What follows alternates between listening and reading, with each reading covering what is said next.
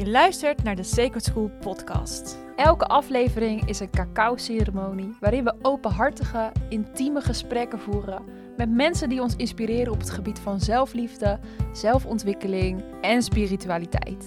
En wij geloven dat je goed bent zoals je bent en dat alles wat je nodig hebt al in jou zit. Soms heb je even een steuntje in de rug nodig om je dat te herinneren.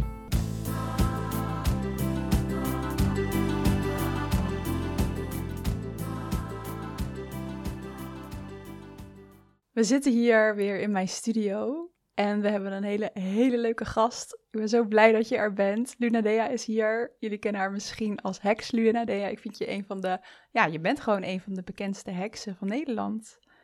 Heel veel boeken geschreven en op Instagram ben je, volgens mij word je plat gebombardeerd met berichtjes van mensen die allemaal iets van je willen weten, omdat je zoveel kennis deelt. En ja, heel blij uh, zijn met wat je allemaal deelt over hekserij. En ik heb een vraag voor jou. Mhm. Wat is nou het grootste misverstand over hekserij waar jij zelf last van hebt gehad? Oei, ehm, ja, er zijn best wel veel misverstanden. Het grootste misverstand is nog steeds wel dat ehm, heksen alleen vrouwen kunnen zijn. Of eigenlijk dat alleen vrouwen heks kunnen zijn. Dat, dat vind ik dan wel een van de grootste misvattingen. Uh, niet dat ik daar zelf natuurlijk, want je zegt specifiek waar je zelf last van hebt gehad, maar of mee te maken hebt gehad. Nou, daar heb ik dan zelf niet mee te maken gehad, omdat ik een vrouw ben. Maar um, ja, wat ik, wat ik wel merkte voorheen, en nu ben ik veel meer outgoing, dus dat is veel. Ik, ik heb daar minder mee te maken. Tenminste, mensen durven het waarschijnlijk niet recht in mijn gezicht mee te zeggen. En, um, maar wat ik zelf in het verleden vaker heb meegemaakt toen ik net beginnend was, is dat mensen dan in het begin heel lacherig doen als je, als je begint over hekserij. En dan van die flauwe grappen komen van, oh, uh, ga je me dan betoveren? Of um, uh, ga je dan ook naakt in het bos dansen? Dat van die hele flauwe standaard uh, reactiezinnetjes, wat er eigenlijk, vind ik nu, nu ik het terugkijk met mijn huidige kennis, dan denk ik, oh, maar dat betekent eigenlijk dat ze er niks vanaf willen weten en dat willen maskeren uh, met, met flauwe opmerkingen. Ja, ja die stereotype dingetjes naar boven halen ja. en uh, ja. grapjes maken, ja. Zo so be it. ja, ik kan me heel goed voorstellen. Heb je ook een vraag voor Emily? Ja, ik, ik zit hier natuurlijk, jullie hebben me uitgenodigd uh, met, uh, met daarbij de opmerking van we gaan je van alles vragen over um, vooroordelen. Dus mijn vraag aan Emily was dan om ook van wat, wat is het vooroordeel waar jij mee te maken hebt gehad toen jij uit de spreekwoordelijke bezemkast kwam? Hmm. Nou ja, ik herken heel erg de flauwe opmerkingen. En wat bij mij gewoon echt nog wel eens blijven hangen is... Um, ga je dan ook de zwarte punthoed opzetten? Die vond ik zo vervelend. Dat ik echt dacht, oké, eigenlijk precies wat jij net zei. Van je begrijpt gewoon helemaal niet waar het over gaat. En inderdaad, uh, wat, ik, wat ik ook merk is dat mensen het heel eng vinden. Uh, hè, zodra je het over heksen of hekserij hebt dat mensen eigenlijk daar liever niks van willen weten en daar van weg willen blijven. Um, en dat ze het gewoon ook heel raar vinden. Van hè, maar je ziet er zo gewoon uit, bijvoorbeeld. Weet je? Dat is ook ja. natuurlijk een mega vooroordeel dat je er op een bepaalde manier uit moet zien. Ja. Dus die zijn wel, uh, uh, ja, die kwamen bij mij wel uh, meteen boven. Ik moet heel erg lachen, want jullie hebben allebei een vraag gehad die ik in mijn hoofd had. Mijn vraag was deze. En dat, wat jij stelde, Landa, was mijn reservevraag. dus nu moet ik jou een vraag gaan stellen, Landa. En die moet even nu in twee seconden oplopen. maar het komt wel goed. Uh, heb jij zelf uh, ooit een vooroordeel over heksen gehad? Wat een leuke vraag. Ja. Moet ik heel even over nadenken. Je groeit er natuurlijk mee op. Ja. Je groeit op met Disney-films. En het engste figuur is altijd de heks. Ja. In Sneeuwwitje en nou, noem maar op. Dus ja, tuurlijk. Je wordt een beetje geprogrammeerd op die manier. Maar Ja. ja. toen ik zelf 15 was, raar, eh, toen kwam ik eh, in aanraking met hekserij, eigenlijk Wicca. Mhm. Ik had ineens mijn eigen coven met z'n vieren. Eh, tijdens de pauzes op school gingen we lekker ontdekken. En ik, ik, ik vond het internet en daar vond ik juist informatie in. Ik vond boeken bij de boekenvoordeel over Ja. hekserij. En toen kwam ik er gewoon achter, oh, dit voelt zo natuurlijk. Ja. Mhm. Dus, En wanneer was dat? Hoe lang geleden was dat? Nou, ik ben nu 32, bijna 33. Met Mabon word ik 33. Dus ik ben gewoon een hekskindje. Ik ben gewoon geboren op een heksenfeest. dus dat is, eh, ik ben heel slecht in hoofdrekenen, maar dat is gewoon 17, 18 jaar geleden. Ja. Een volwassen leven bijna. Nou ja, Ja. een kinderleven. Dus eigenlijk ben je al langer wel, noem je jezelf al langer wel heks, dan dat je je niet heks hebt genoemd. Ja, al moet ik zeggen dat ik me echt heks begon te noemen sinds, sinds, sinds recentelijk eigenlijk. Dat is sinds een paar jaar. Niet dat ik me ooit heb geschaamd of zo, maar het is toch ineens een, een, een drempel die je overgaat om ervoor Mhm. voor uit te komen dat jij letterlijk een heks bent. Ja. Terwijl ik geloof dat heks, heks, een heks zit in iedereen. Er zitten altijd elementen in, want wij zijn de natuur. Ja. En iedereen heeft natuurlijk vrije keus, vrije wil om jezelf zo te noemen of niet. Maar ik moet zeggen dat ik als tiener zijnde later, dus vanaf misschien mijn 18e, 19e tot mijn 25e, me niet zo bezig hield ermee. Dus ja, Ja, maar dat zie ik ook wel vaker bij, bij leerlingen terug. Hè? Kijk, ik, ik, ik, ik begeleid heel veel mensen in hekserij, dus die, die noem ik dan mijn leerlingen. Maar ehm, wat, ik, wat ik bij bijna iedereen terughoor, is dat ze in hun tienertijd, in de ontdekkingsfase van je leven natuurlijk, dan eh, op zoek gingen naar wie ben ik? Wat is er nou nog meer dan alleen school, weet je? En misschien werk, maar Ehm, en in zo'n ontdekkingsfase naar jezelf, en dat, dat, daar is die hele puberteit natuurlijk voor. Loskomen van je ouders, ontdekken wie je zelf bent, zonder wie dan ook om je heen. Eventueel vrienden, die beïnvloeden heel erg. Maar dan komen ze vaak op, op, een, op een punt van hekserij als dat bij jou past. Weet je, Mhm. als dat bij je past, dan vind je het. En dan ga je er vol voor. En zeker in je puberteit, dan, dan, dan, dan is het altijd, je gaat ergens wel helemaal voor of niet voor, weet je. Dus dat, maar daarna begint het leven het over te nemen. Als je niet meer op school zit, heb je gewoon geen vrije tijd meer.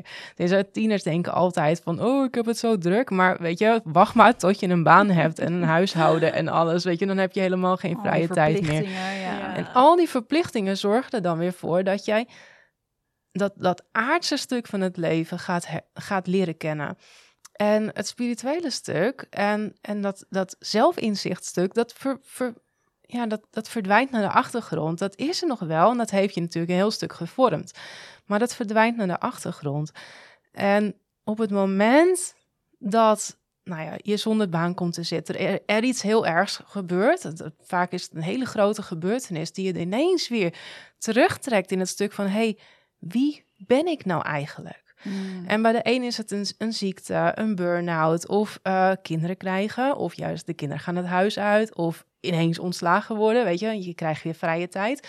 Maar vaak is er een grote, heftige gebeurtenis later in je leven, die je dan ineens weer laat nadenken. Wie Hmm. ben ik? En wat, wat is er gebeurd met dat stukje uit mijn puberteit of begin twintiger tijd, waarin ik naar mezelf op zoek was, waarin ik mezelf gevonden had. En dan lijkt het alsof je jezelf daarna bent kwijtgeraakt, maar dat is ook een leerproces. Hè? Ja. Ik, ik heb mezelf aangeleerd op een gegeven moment. Eerst heb ik heel lang gedacht, waarom gebeuren er allemaal van die heftige dingen in mijn leven? Weet je, mijn leven is echt absoluut niet makkelijk. Heel veel heftige dingen in de afgelopen tien jaar. En daarvoor ook wel. En ik dacht in het begin altijd, waarom zoveel heftige dingen, weet je? Dus eh, waarom moet mij dit overkomen? Nou, dat stukje slachtofferrol waar mensen heel makkelijk inschieten, Mhm. wordt je ook aangeleerd. Hè? Het wordt, als kind word je niet geleerd om heel sterk te zijn, om, om, om, om voor jezelf op te komen, om je niet aan te trekken van wat anderen van je zeggen. Dat wordt je helemaal niet geleerd. Wordt je juist geleerd om je daar wel wat van aan te trekken. Ja. Maar, ehm, dus eerst schoot ik in die slachtofferrol, want ja, dat is makkelijk. Hm. En later dacht ik ineens van, hé, hey, maar als ik nou al die tegenslagen ga zien als leermomenten. Want ze komen niet voor niets op je pad. Je moet ze gewoon accepteren, want anders dan, dan heb je geen leven. En als je ze wel accepteert, ja, het is moeilijk. Ja, je kan er gewoon mee leven. Weet je? Dus, dus dan, dan leer je er nog meer van. En dan gaat het uiteindelijk een heel stuk makkelijker. Want je, je ziet de lessen die het leven op je pad gooit. En hoe moeilijk ze ook zijn. Je, leert er altijd van. Al is het maar om sterker te worden. Ja, precies. Dus dat, dat vond ik, ja, dat vind ik wel heel erg mooi. En dat zie ik bij mijn leerlingen en bij heel veel mensen wel. Juist degene die altijd op zoek gaan. Of nou, altijd, juist degene die op zoek gaan naar wie ben ik? Het stukje zingeving. Dat zijn echte mensen die die kracht in zich hebben om, ja, om, om, om het leven in al zijn imperfecties en perfecties te omarmen. En dat vind ik heel mooi om te zien. Ja, dat Hmm. is zeker prachtig. Ja. Ja. Want hoe, hoe is dat bij jou gegaan? Wanneer eh, je bent vast ook in de puberteit eh, in die fase terechtgekomen dat je ging afzetten, ging ontdekken. En wanneer was voor jou dan het moment dat je dacht, oh, hekser, of hoe ontdekte je eigenlijk hekserij? Ja. Hoe kwam je daarmee in aanraking? Ehm, nou, het woord heks, dat, toen was ik 18. Ik weet echt nog exact waar ik stond, met wie ik was, hoe laat het was, op welke dag het was. Dat was, dat was echt... Nou, ik, ik, ik stond met... ehm, ik, had, ik had een jongen leren kennen, Joshua. En Joshua was echt zo'n zo'n gothic jongen. Mm. gothic kleding aan, lang zwart haar. Echt heel, heel intrigerende jongen. En ehm, ik had hem leren kennen op handboogschieten. En ja, die hele handboogschietclub die zat vol met eh goths en, eh, en alto's, weet je. Dus dat, we- ik kwam naar binnen en ik dacht, oh, eindelijk mijn mensen.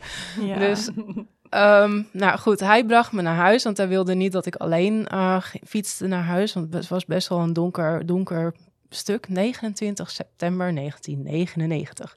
Oeh. En, ehm, en toen begon het echt te stortregenen. Echt toen we vlak naast een bushoekje fietsten. Dus we hadden zoiets van, ja, teken, weet je wel, we kunnen droog hier staan.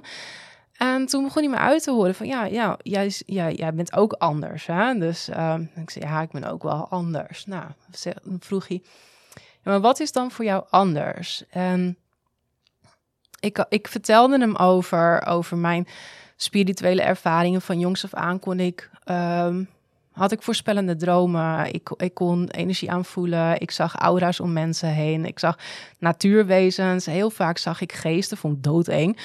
En, maar weet je, dat soort ervaringen heb ik van jongs af aan al gehad. Van echt, echt heel jong. En mijn tweelingzus niet. Ik wel, mijn tweelingzus niet.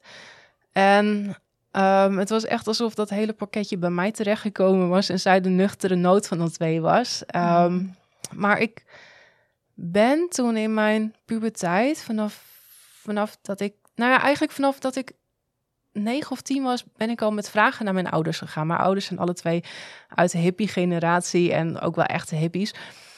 En mijn moeder had de hele boekenkast vol staan met allemaal boeken van Melly Uildert en edelstenen en van alles en nog wat. Maar spirituele ervaringen, daar had zij geen ervaring mee. Dus daar kon ze mij niet in onderwijzen of antwoorden. Ja.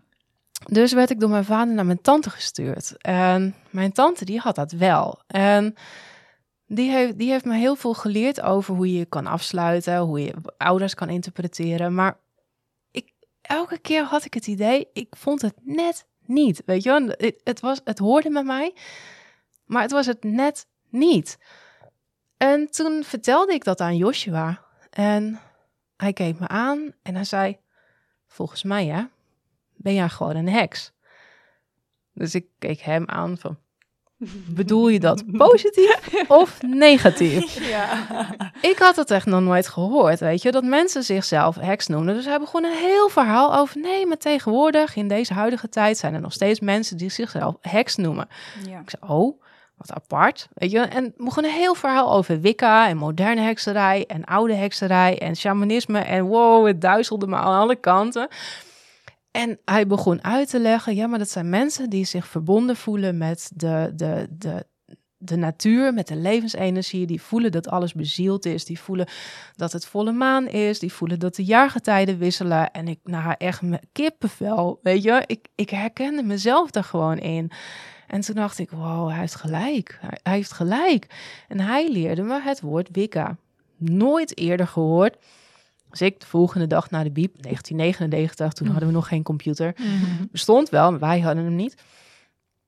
Ik de volgende dag naar de biep en ik had echt dat hele, die hele kast over spiritualiteit had ik al gelezen. Alleen dat onderste rijtje bij de W van de Wicca, dat woord kende ik niet, dus die had ik niet gepakt. Nu wist ik wat Wicca betekende. Het, het was ook niet eerder in me opgekomen de achterkant te lezen of zo, hè? Maar goed. Dat... Alles in divine timing, hè? Dat was gewoon Ja, be dat je het precies. pas nu ging pakken, ja. Dus ik had een boek meegenomen over Wicca en ehm, echt een verschrikkelijk boek. Het, is echt, het leest voor geen meter uit de jaren zeventig, weet je, dus niet door te komen. Maar de eerste blad, ja, ergens trok me, de eerste bladzijde, ik herkende mezelf erin. Dus ik wist het gewoon. Ik wist gewoon toen, dit ben ik. Dus ja, zo Ja. lang verhaal, maar zo ben ik erbij gekomen. Wauw. En sindsdien heb ik echt alle boeken in de biep gelezen. En daarna heb ik eh, spirituele winkeltjes ontdekt... die ook ineens hele boekplanken vol bleken te hebben. Maar dat was ook wel in die tijd, hè, eind jaren 90, begin 2000... was ook wel de periode waarin ineens Ja. Wicca populairder werd. Het stigma minder groot werd. Ehm, Wicca zich heeft ontworsteld uit het jaren 70 stigma van naakte rituelen... ja. Ehm, en schrijvers begonnen te publiceren. ja. En daarvoor was het heel erg jaren zeventig. ehm, in de jaren, ik, ik heb het over de jaren zeventig, omdat vanaf toen Wicca vanuit Engeland naar Nederland gehaald is. En in die periode was natuurlijk heel veel vrijheid, blijheid en alles moest kunnen. En, en toen, toen is dus Wicca ook in Nederland groter geworden. Maar Wicca is anders dan de hekserij zoals we dat nu bezigen. En ehm, het verschil is met name dat toen alles heel strikt was, heel besloten. En je moest, je, je, je kon alleen maar hekserij leren als je in een Wicca-groep zat. Maar je mocht daar nooit iets van naar buiten brengen. Dat, mensen moesten jou vinden als groep. En je kon niet mensen gaan zoeken of zo. En ehm, het, het- was gewoon heel besloten. Echt heel, heel, heel besloten. En ja, goed, eind jaren 90, begin 2000 kwam ook het internet op. En dat heeft echt zoveel veranderd voor hekserij en paganisme en shamanisme. En eigen- eigenlijk het hele spectrum van paganisme is toen... heeft onwijs veel gebruik gemaakt van het internet. Dus eh, Ja, ik Ja. weet dan nog heel goed wat, dat ik echt als... Nou ja, ik was denk ik 15, 16. Nee, 15. Misschien zelfs jonger nog. Nou, maakt niet uit. Ik weet nog zo goed dat ik dus op zoeken was naar meer informatie hierover. En ik zat alleen thuis en ik was... Ja, ik zat achter de computer naast het raam en het regende keihard. En ik kwam toen een spel tegen. En ik, oh leuk, een spel om de regen te stoppen. Nou, ik moest elke dag 10 kilometer naar school fietsen en 10 kilometer terug. En als het regende, dan was ik gewoon echt tot op mijn naadje nat. en ik dacht, nou, ga ik uitproberen. Dus met, met volle overtuiging las ik die spel zo voor en ik herhaalde hem een paar keer en ik keek naar buiten en ik zag dat de wolken openbraken en dat het precies boven mijn huis, dat pleintje, dat dat ja, gewoon even niet meer regende, dat dat gewoon blauwe lucht werd. Ik vond het zo bijzonder en dat was zo'n bijzondere ervaring voor mij dat ik Mhm. gelijk instant geloofde dit is, dit is het. Dit klopt gewoon. En ik weet ook nog dat ik toen em, in de boekenwinkel een boek... eh, dus dit is eigenlijk dan zo'n eh, iets minder dan tien jaar later. Dus jij hebt eigenlijk al de weg vrijgemaakt voor dit kleine heksje hier. ik weet nog zo goed dat ik in dat boek aan het bladeren was... en er stonden ook allerlei eh, spels in. Bijvoorbeeld een... ehm, je kon een beschermingspoppetje maken voor boven de deur. En er stonden heel veel rare, rare weet je wel, gewoon niet eh, alledaagse eh, spulletjes in die ik nodig had. Terwijl ze eigenlijk best alledaags zijn, maar ik dacht, oké, ik heb stro nodig, ik heb een hoedje nodig, ik heb, huh, weet je, gewoon binnen vijf minuten had ik alles. Want mijn moeder die had een vreumelkist en daar stond letterlijk alles, echt gewoon precies stro, wat ik niet eens meer hoefde te knippen. Het was het perfecte maat. Ik had eh, een hoedje, ik had, ik, gewoon, ik weet niet eens meer wat ik allemaal nodig had, een sokje of zo. En ik denk, nou, prima. Dus ik heb echt in, in no time, het was gewoon meant to be dat ik die beschermingsamulet, poppetje, ging maken. En het heeft echt jaren boven mijn deur gehangen, zonder dat ik echt wist wat, wat het nou precies deed. Oh. Puur intuïtief. En dat vind ik dus ook het mooie aan, aan hekserij. Het is iets dat je heel intuïtief kunt doen. En dat is ook de reden waarom ik dus met Wicca eigenlijk al heel snel... uh, ja, ik voelde er niet heel veel bij. Heel veel regeltjes. Het ging ook allemaal over de godin en de god en wat ik me kan herinneren dan. En ik, ik had iets van, ja, dat voelt nog als iets wat nu niet bij mij past. Dus ja, hoe, hoe is, dat, is dat voor jou? Heb jij, heb jij ook aversies gehad, bijvoorbeeld toen je dingen tegenkwam in je ontdekkingsreis? Ja, nou goed, e, om, om het verschil even voor de luisteraar uit te leggen. Mm Wicca is een religie. En Wicca is um, de, de, de moderne vorm van hekserij. In 1951 was er een man, Gerald Gardner, in Engeland. En hij um, bezigde hekserij en had zich ook uh, onderwe zichzelf onderwezen in verschillende soorten uh, magische orders. Dus de Rozenkruisers, de vrijmetselarij. Uh, een van zijn beste vrienden was uh, Crowley, weet je wel. Dus hij was heel erg beïnvloed door hoge magie. En daarnaast had hij ook dingen van traditionele heksen, covens geleerd. Nou, dat heeft hij allemaal samengevoegd tot zijn mengsel van hekserij en dat noemde hij Wicca. Nou, toen in de wet tegen hekserij in Engeland pas in 1951 werd afgeschaft, toen is hij direct naar buiten gekomen met een boek. Kijk, ik ben een man, ik ben een heks. Het aparte is dat als je kijkt naar alle bekende grote heksennamen uit die tijd en daarna waren allemaal mannen. En toch is het beeld van iedereen nog steeds dat heksen vrouwen zijn. Raar, hè? Ja. Er zijn veel minder bekende grote vrouwennamen dan mannennamen. Ja, goed, Gerald Gardner was ook een nudist. Dus vandaar dat al die rituelen in de jaren 50, 60, 70 allemaal naakt werden uitgevoerd. Want ja. degenen die door hem waren ingewijd en bij hem in zijn groep hadden gezeten, die hadden dat meegekregen. Ja. Nou goed, Wicca is dus een religie omdat er echt wordt gewerkt met de god en de godin. En als je dat niet doet, dan is het geen Wicca. Dus Wicca is een religie. Maar in die religie wordt gebruik gemaakt van hekserij. En hekserij, dat zijn echt de oude volksgebruiken waarin magie en de natuur en de levenskracht, de, de, magie, magie is voor mij levenskracht, dat is een en hetzelfde, waarmee daar wordt gewerkt en dingen worden bewerkstelligd. Dus het doen van rituelen is eigenlijk het sturen van magie, van levensenergie naar een bepaald doel. Ja. En, mm. en dat is dus het verschil tussen Wicca en hekserij. Hekserij is het werken met die levenskracht, is het werken met. Uh, het, het, is een kunde, dus vandaar dat ik zeg werken met. En, uh, en, en daar hoeft niet per se een god en een godin bij te zitten om die levenskracht te zijn. Weet je, die levenskracht is, die ja. is er. En of het nou mannelijk, vrouwelijk of onzijdig of whatever, het is er gewoon mm. voor heksen. Ja. Mooi. Precies. Dus maar ja, nou ben ik helemaal de draad kwijt. Want wat was je vraag ook alweer? Dus, um, of je zelf ook aversies hebt gehad ja, in jouw af, ontdekkingsreis naar ja, gewoon al die kennis die je aan het opslurpen was. Dingen ja. waar je tegenaan liep dat je dacht, oh, dit is echt niks voor mij. Aversies, ja, het is, um, weet je, ik, ik ben in mijn zoektocht wel in Wicca-groepen uitgekomen. En dat is het enige wat ik wat je toen de tijd kon vinden. Dus ik ben in principe in het begin opgeleid in een Wicca-groep. En wat ik daar merkte is inderdaad dat uh, wat, wat mij heel erg ging tegenstaan en waardoor ik er toen op een gegeven moment uitgestapt ben, is dat alles binnen werd uitgevoerd. Alles was binnen zijn huis.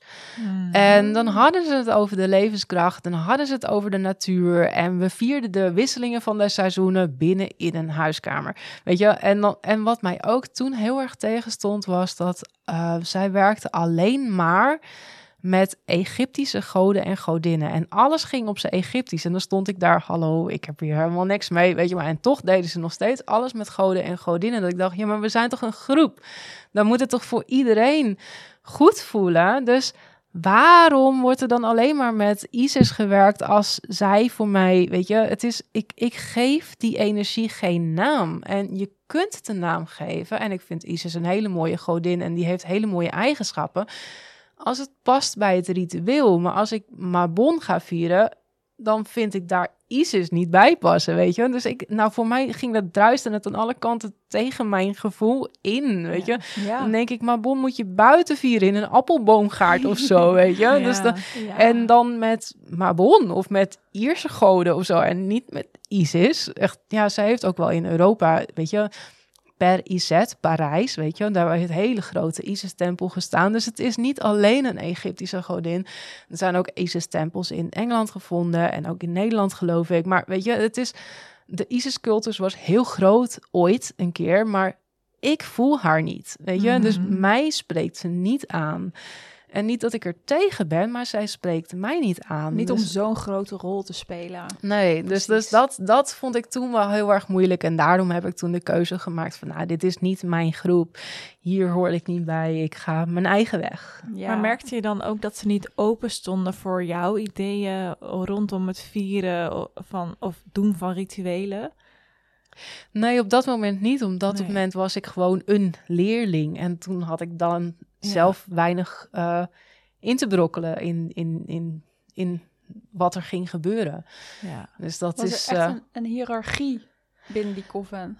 Eh, ze zeiden van niet, maar in de praktijk was dat Wel, wel ja. zo. En dat Ja. zie je heel vaak. En ik, ik weet je, ik, ik wil niks negatiefs over die groep zeggen, want ik heb daar ontzettend veel geleerd. Mm, ik heb daar heel veel geleerd over het uitvoeren van rituelen, op, over groepsdynamiek. Ja, En er veel ehm, bij ja, kijken precies. ja. is ik heb er echt in korte tijd, heel korte tijd, heb ik ontzettend veel geleerd. Maar ook uiteindelijk aangevoeld van dit is niet, niet mijn weg. Dat was, dat was ook een van de lessen. Ja, maar dat doet iedereen natuurlijk. Ja. Hè? Dat, dat Ja. daar hadden we natuurlijk ook over met, met de puberteit. Het Ja. is, het is ehm, ook in leerperiodes krijg je op een gegeven moment die puberteit dat je wil loskomen van jouw leermeesters. Precies. Ja. Ja. Ja. Mooi. Ik vind het heel, eh, heel inspirerend om naar je te luisteren, hoe je vertelt. ja, je dankjewel. merkt gewoon aan alles hoe je, hoe je vertelt dat er gewoon zoveel wijsheid in jou zit. Echt, eh, Oh, ja. daar word ik heel ongemakkelijk van. ja, nee, ik vind het ook, want je begon ook met de introductie van, ja, een van de grootste heksen van Nederland. En dan denk ik, oh, oh, dan wil ik me al eigenlijk gaan verstoppen. Zo van, oh, oh.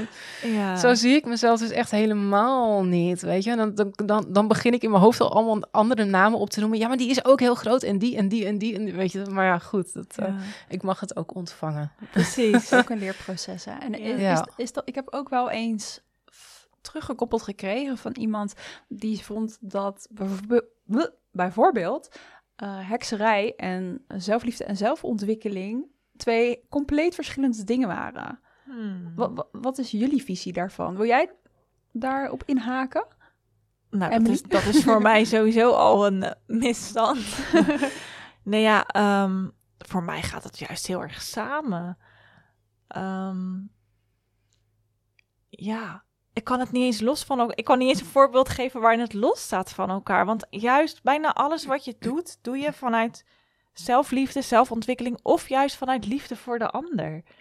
Ja, welk ritueel je ook zou doen of welk eh, jaarfeest je ook viert. Dat gaat juist heel erg voor mij dan over, over ja, liefde. Jezelf ook leren kennen Ja, en dus zelfontwikkeling. precies. So within, so without. Precies. Ja.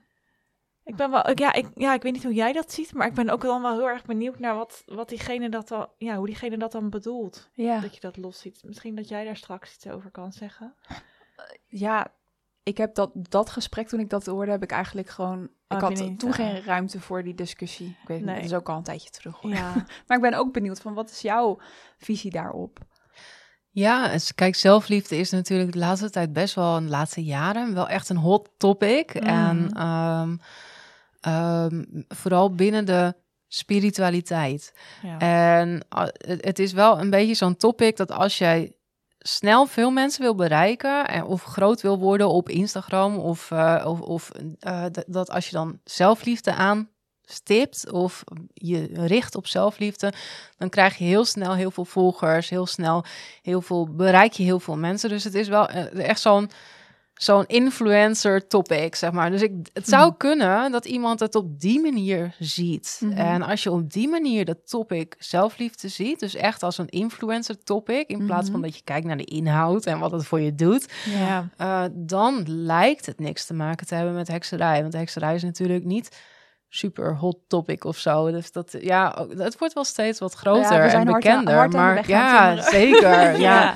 Weet je, de afgelopen jaren heeft natuurlijk Susan Smit eh, zich eindelijk weer eh, naar buiten getreden als heks. Heeft ze heel veel jaren heeft ze dat ja, juist angstvallig weggehouden van de media. Ja.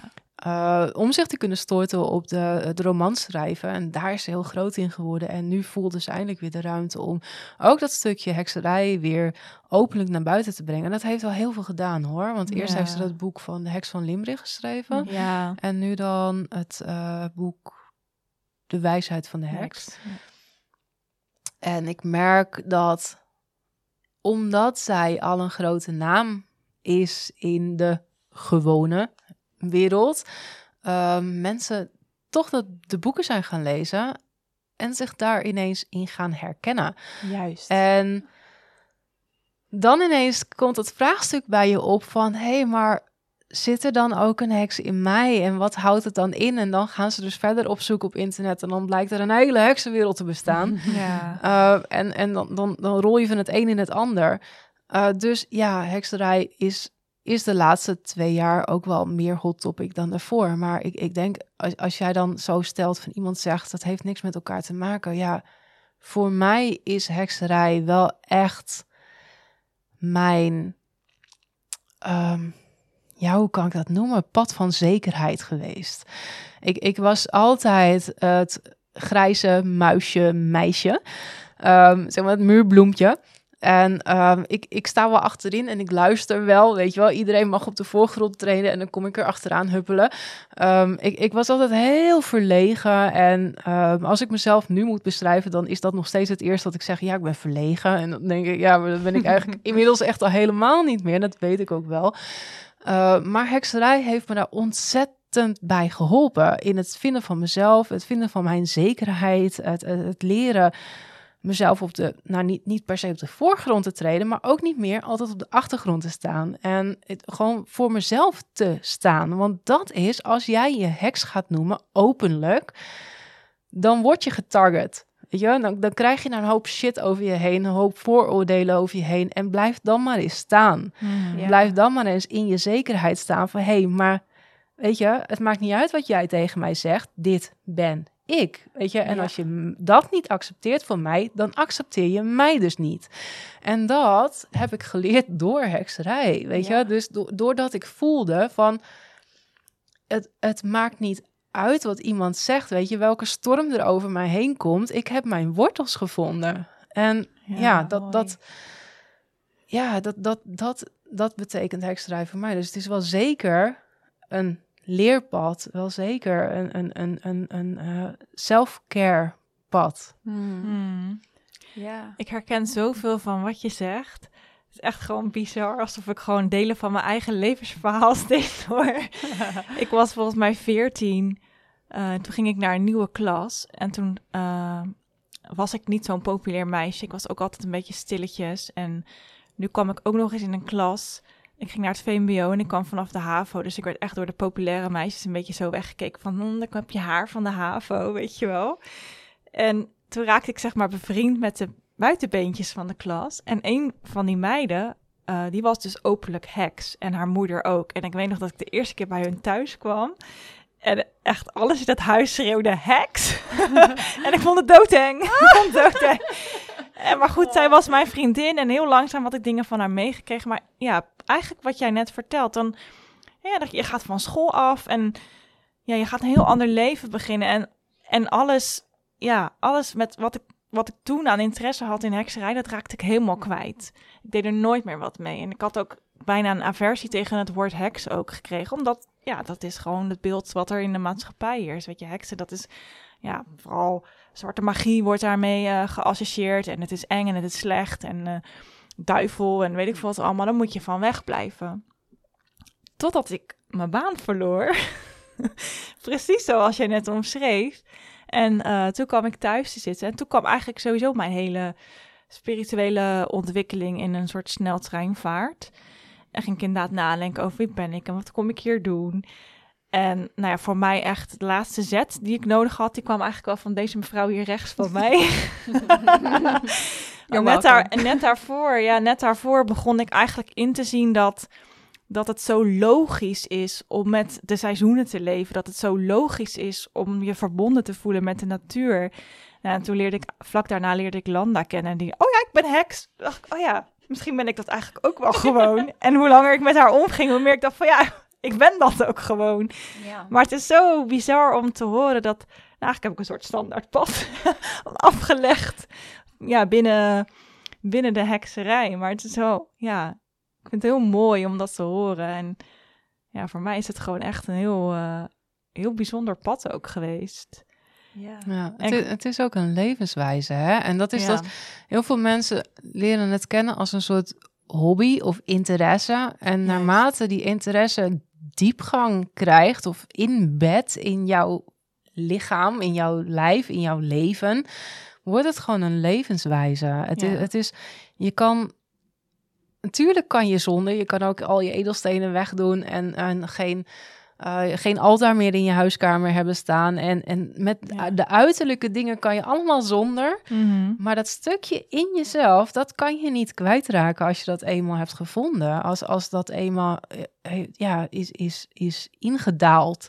Ja. En weet je, je kan niet afscheiden van de natuur. Je kan heel erg je best doen, maar de natuur zal er altijd zijn. Weet je, je kan je hele tuin plaveien en, en, en dan komt er nog gras tussen de tegels door, weet je. Dus dat is... Het, het, je, ja, het, het is een levenswijze. En, en je hoeft er ook niet mee te koop te lopen. Je hoeft ook niet overal te schreeuwen van... Oh, ik ben een heks, weet je. Dus, ja, dat doe ik wel op Instagram en zo. Maar ja. ik ben er heel open in, dan zeg ik dit. Maar het, het hoeft niet. Het is niet dat iedereen die zich heks noemt uit die spreekwoordelijke bezemkast moet stappen en iedereen om zich heen moet vertellen van ik ben een heks, weet je. Als jij in een omgeving woont waar je dat beter niet kan doen, dan kan je dat hmm. beter niet doen. Je kan het heel puur voor jezelf houden, maar ik zeg ook altijd tegen, tegen nieuwe heksen of mensen opnieuw op het heksenpad die dan aan mij vragen van ja, moet ik dan per se openlijk heks zijn? Nee, nee, weet je, ik bedoel, een christen loopt er ook niet mee te koop. Die gaat ook niet tegen iedereen lopen vertellen: ik ben een christen. Weet je, dat, dat, doet, dat doet bijna niemand. Weet je, dat is iets voor jezelf. Het, het is een levenswijze voor jezelf. En ja. waarom zou je daar heel open over moeten zijn? voor mij heeft het een doel. Het is, weet je, het is ook mijn bedrijf um, inmiddels. Mhm. Naast mijn levenswijze. Dus moet ik daar wel open over zijn. En uh, dus bij mij heeft die openheid een doel. En als die openheid voor jou als doel. Bij heel veel heksen heeft het wel een doel. Hè? Dan heeft die openheid als doel van: ik heb het zo lang voor mezelf gehouden. Nu begint het te, te etteren. Zeg maar. Je, je, je, je, als je het gevoel krijgt dat je niet altijd jezelf kan zijn, ja. dan is het moment aangebroken om wel die kastdeur open te gooien. Wel daar open over te zijn. Maar wees je er dan wel van de bewust dat je daar reacties op krijgt. En dan mhm. komt het moment, hey, kan ik die wortels voelen? Kan ik stil blijven? Ja, gewoon kan ik dat over me heen laten komen en accepteren van, hey, anderen kijken er anders naar. Ja. ja, voor mij is het zelfs zo het is semi-vergelijkbaar, het verhaal. Ik, ik was ook een uh, vrij verlegen kind. En, maar goed, ik ging op een gegeven moment naar Rotterdam-Zuid op school. Dat is een beetje de ghetto. Dus ik zat daar... Was, was hè? Ja, nu niet meer. Nu niet meer. ik nu is het uh, gentrification. Uh, dure, dure, Nee, maar goed, ik zat dus... ik moest op een gegeven moment gewoon van me af leren bijten. Omdat het, ja, gewoon... het was gewoon, je wordt gedist of je dist. Dus, nou, ik wilde niet dissen, maar ik wilde wel van me af kunnen bijten.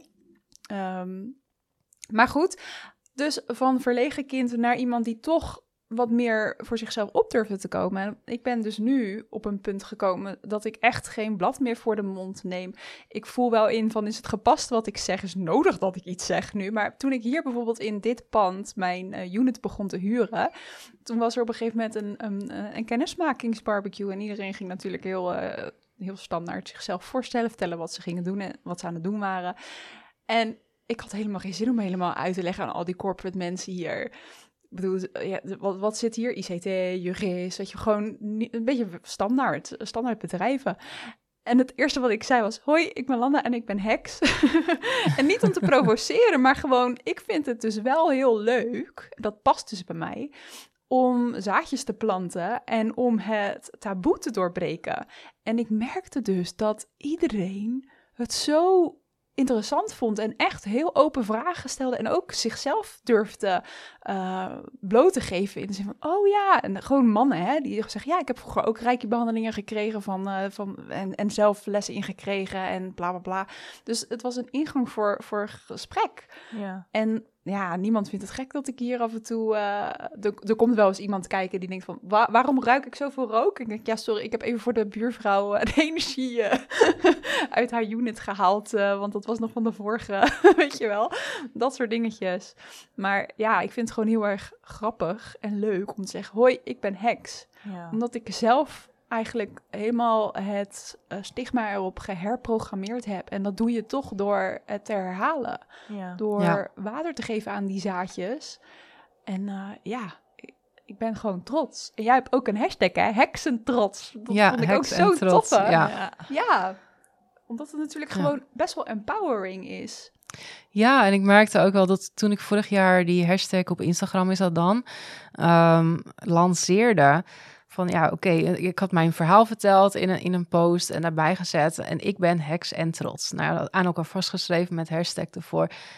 En dat heeft echt een enorme vogelvlucht genomen. En iedereen echt zo, ja, ik durf het nu ook te zeggen. Ik ben ook heks en trots. Ik dacht, wow, wow, weet je, dat was niet eens de- mijn bedoeling. Het was gewoon iets wat in me opkwam, wat ik daar had neergezet. En gewoon, ja, de spur of the moment. Maar ja, dat zijn juist de momenten die, die, die eh, ja, een soort ingegeven zijn, denk Ja, ik altijd. Dat, ja. ja. ja, Dat moet je niet plannen van tevoren. ja. Het kan wel, maar nee. dit is leuker. Dit is magie. Ja, ja, zeker. Ja, het is, weet je, het internet vind ik sowieso al een stukje magie, want het heeft zoveel verbinding gegeven. Ik merk ook, juist in de heksenwereld, en is, is het echt, ehm, door het internet leren heksen dat ze niet de enige zijn, weet je. Heel Mhm. veel heksen hebben in het begin het idee, ja, ik ben raar, ik ben anders. Iedereen heeft me altijd anders genoemd en ik ben altijd het buitenbeentje geweest en nu ben ik ook nog heks, weet je. Ik ben vast de enige. En dan gaan ze op internet zoeken en dan blijkt er, blijkt er een enorme com- community te zijn en heel veel verbinding. En dan ben je Ja. niet meer de enige. En dat is, Ja. dat, nou, dat, dat is magie, weet je. Als je in je hoofd kan loslaten dat jij de enige rare bent. Dat, dat gewoon blijkt dat er heel veel mensen zijn zoals jij. Ja. Dus dat, eh, ja. Ja. En die herkenningen, dat is toch waar, ja, waar je, je wilt van nature ergens bij horen ook. Ja, Dus dat is zo mooi inderdaad, als je die herkenning dan kan vinden online. ja, Ik, Ja. ik vind mezelf ook altijd een beetje een kluisenaar, hoor. Ik hou ook wel heel erg van stilte en Ja. rust. Maar ja, het weten dat er nog meer mensen zo zijn, dat, dat, dat die verbinding, dat is ook wel heel erg fijn. Dat, Ja, eh, precies. Ja. je helemaal alleen is toch ook wel heel erg alleen. ja. Hey, we hebben het net natuurlijk over ja, een aantal vooroordelen of ja, misstanden gehad rondom hekserij. Zijn er nog meer eh, dingen die niet genoemd zijn die bij jou te binnen schieten? Ehm, ja, er zijn er zoveel, weet je. Het is ehm, de, de, ja, waar moet ik beginnen? De zwarte kat. Nou, Oh, dat, ja. dat was natuurlijk, dat is een vooroordeel. Alle, alle heksen hebben een zwarte kat. Nou ja, goed, of je van katten of honden houdt of helemaal geen huisdieren om je heen wil, dat is natuurlijk sowieso ieder voor zich eh, om te bepalen. Eh, dat stukje zwarte kat, dat komt echt uit de middeleeuwen, uit van de heksenvervolgingen tijd. Eh, daarin zijn heel veel van deze vooroordelen ontstaan. Hè? Ja. Dus eh, ook dat heksen zouden kunnen vliegen. En dat, zou, dat, dat komt dan uit eh, verklaringen van heksen die zichzelf hebben, eh, die, die, die verklaring, on, verklaring hebben afgegeven door marteling. Weet je, dus Hmm. de heksenvervolgingen Mm. hebben 500 jaar voortbestaan. 500 jaar, dat is gewoon Ja. niet te bevatten. Dat zijn Nee. gewoon vijf, zes of acht weken, heel veel generaties lang, Ja. eh, dat vrouwen gemarteld werden voor hun spiritualiteit. En vaak niet eens voor hun spiritualiteit, alleen voor het vrouw zijn al eigenlijk. Ja. Dus in die tijd zijn er heel veel vooroordelen ontstaan, omdat er, nou ja, die vrouwen die werden gemarteld en tijdens de marteling, dan, dan zeg je maar gewoon van alles, weet je. Ja, ik kan vliegen, ja, ik heb contact met de duivel, ja, ik rijd op een zwarte bok en ja, ik heb een zwarte kat, weet je. Dus alles, alles wat zwart was, dat was duister. ja. Dus ehm, daar komen heel veel van die vooroordelen vandaan. Ik moest lachen, Maar- want er vloog een zwarte vogel langs op het moment dat je zei... alles wat zwart is, is duister. Ja, maar dat, was, het, dat was het idee toen, hè? Het is Ja. niet, niet wat, wat waarheid is. Dat was het idee toen, omdat ze dat uit die verklaring hebben gehaald. Ja. En toen zijn ook de sprookjes ontstaan. De sprookjes die wij nog steeds als, eh, als Disney-sprookjes kennen. En in alle sprookjesboeken hebben ze het over de slechte heks. eh. Omdat dat toen het beeld was. Maar die sprookjes die zijn verteld om kinderen te waarschuwen om niet met dat soort andersoortige mensen om te gaan. Ja. Want als je er alleen al mee omging of in de buurt kwam, dan kon dat je dood veroorzaken. Ja. Want ja, dan, dan kon jij ook op de brandstapel eindigen. Dus wat doe je dan? Ja. Je waarschuwt je kinderen. En hoe doe je dat dan? Door ze bang te maken voor Ja. dat soort mensen. Dus vervolgens zijn die sprookjes 500 jaar verteld en als volkswijsheid gebleven. Ja.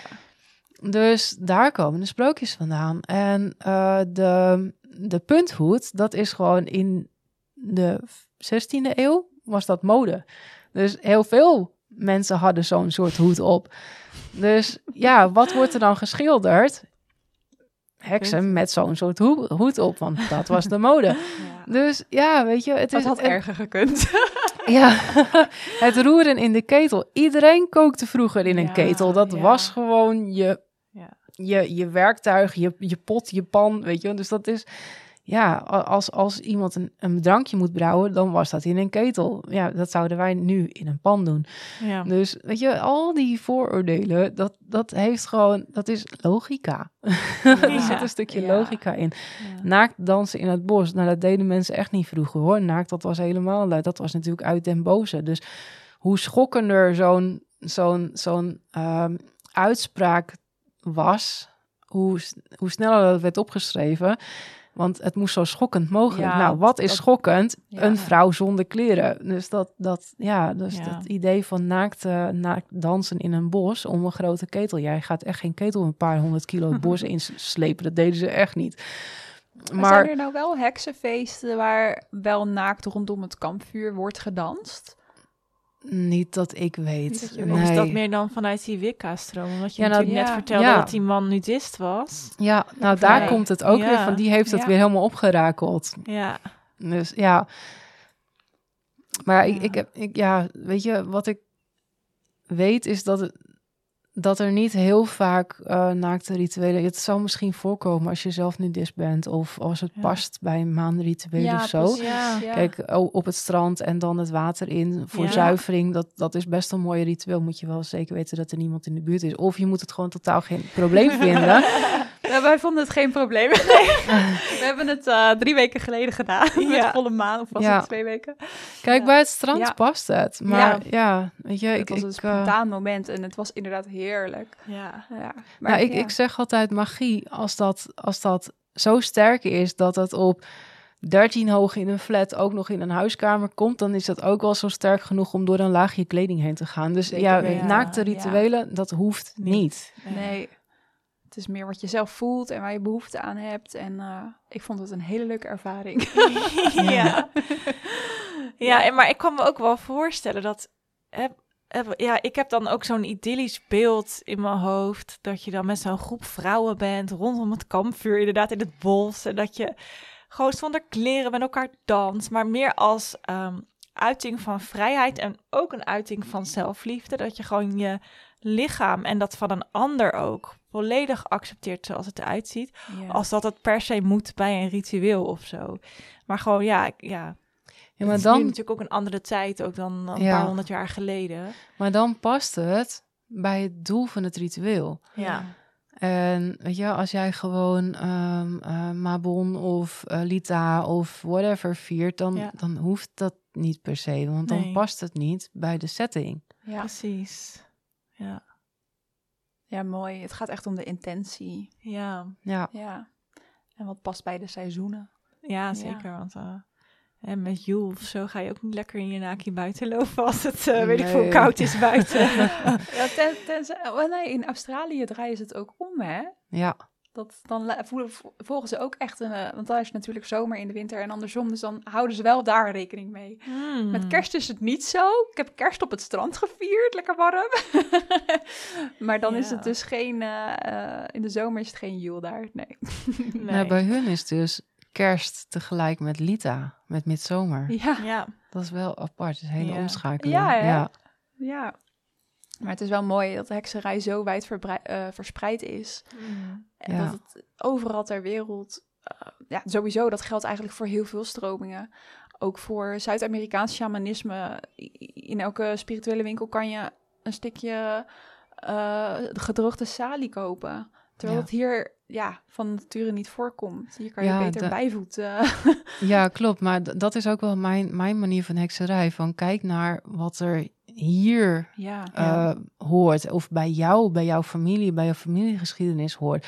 ja. Ik, ik zag laatst een, een Instagram-post van een, eh, een, eh, een, een groep Wicca's in India die Lunasa vierde. Dat ik echt dacht, wow, dat ging echt alle kanten op in mijn hoofd. Dat ik dacht, hè, maar je hebt daar toch ook lokale goden? Vast ook van heel veel. van oogst en dergelijke.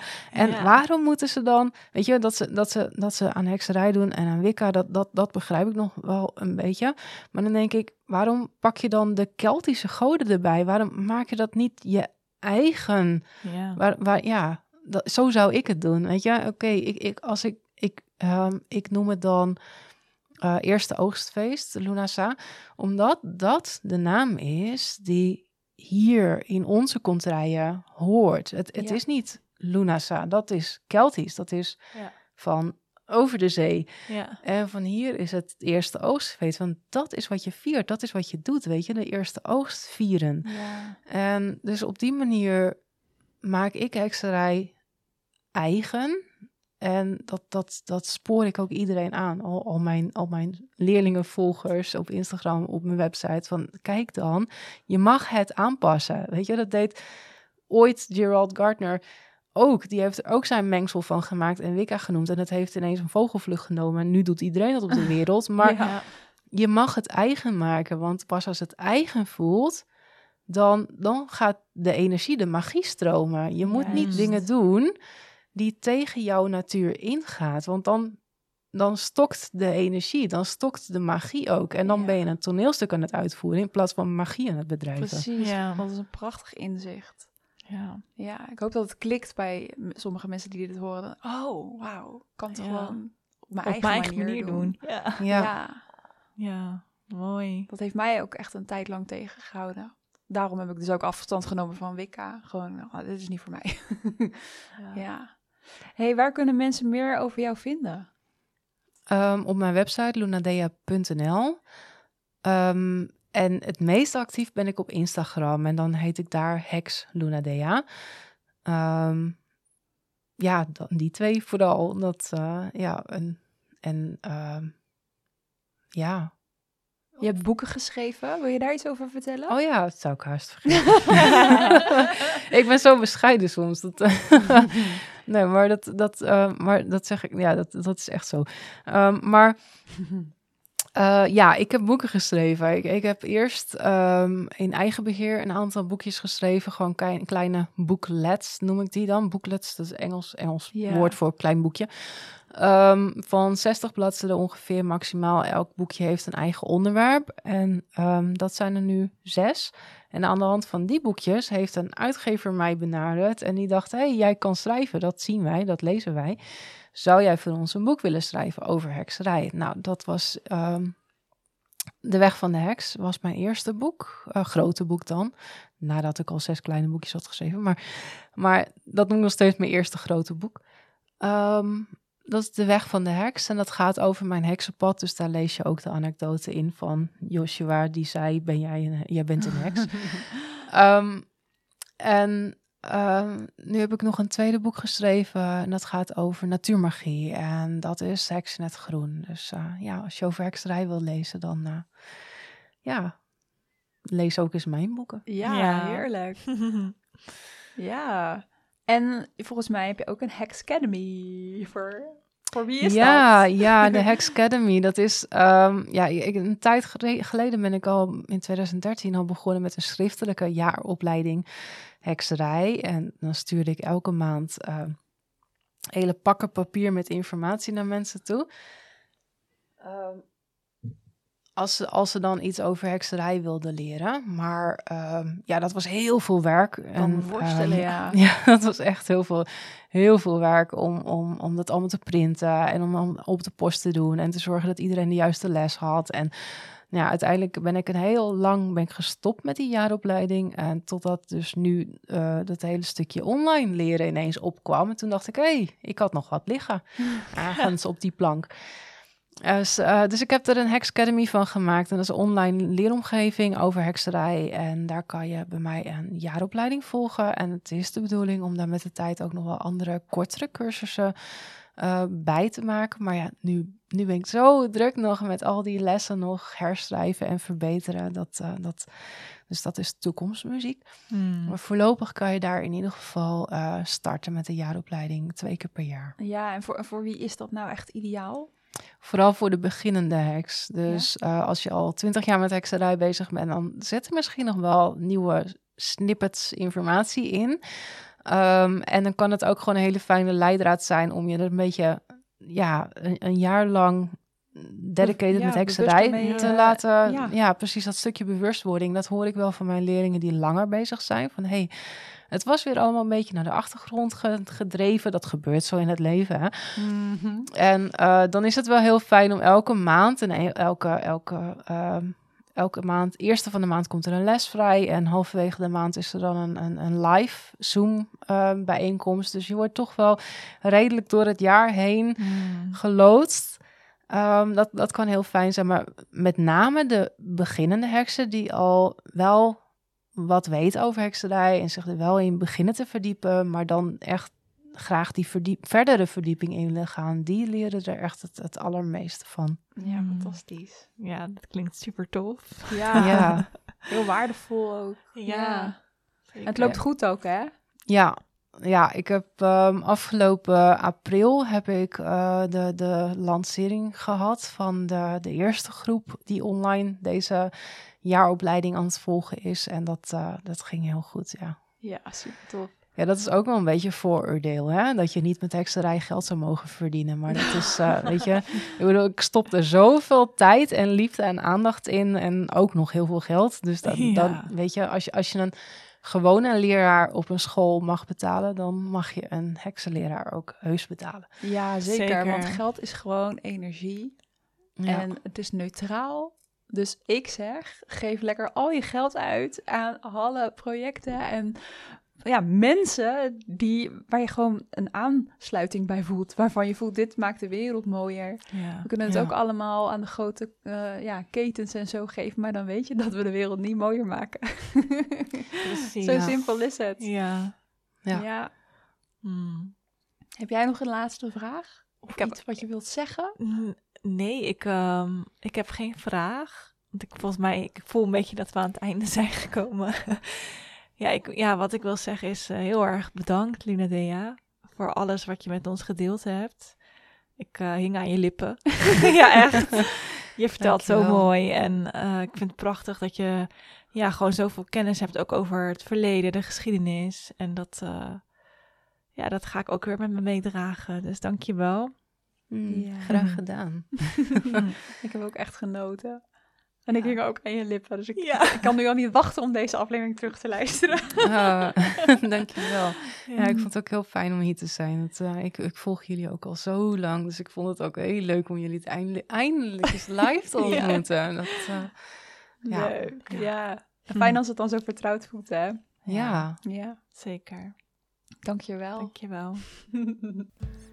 Dankjewel voor het luisteren naar deze aflevering van de Sacred School podcast. Ja, en als je het nou heel erg leuk vond om naar ons te luisteren, ik bedoel, je hebt toch tot het einde geluisterd, dan zouden we het enorm waarderen als je ons een review zou willen geven op Apple Podcast en 5 sterren op Spotify, omdat je ons zo heel erg helpt meer mensen te bereiken. Je kunt ons ook volgen op Instagram, namelijk op sacredschool.nl.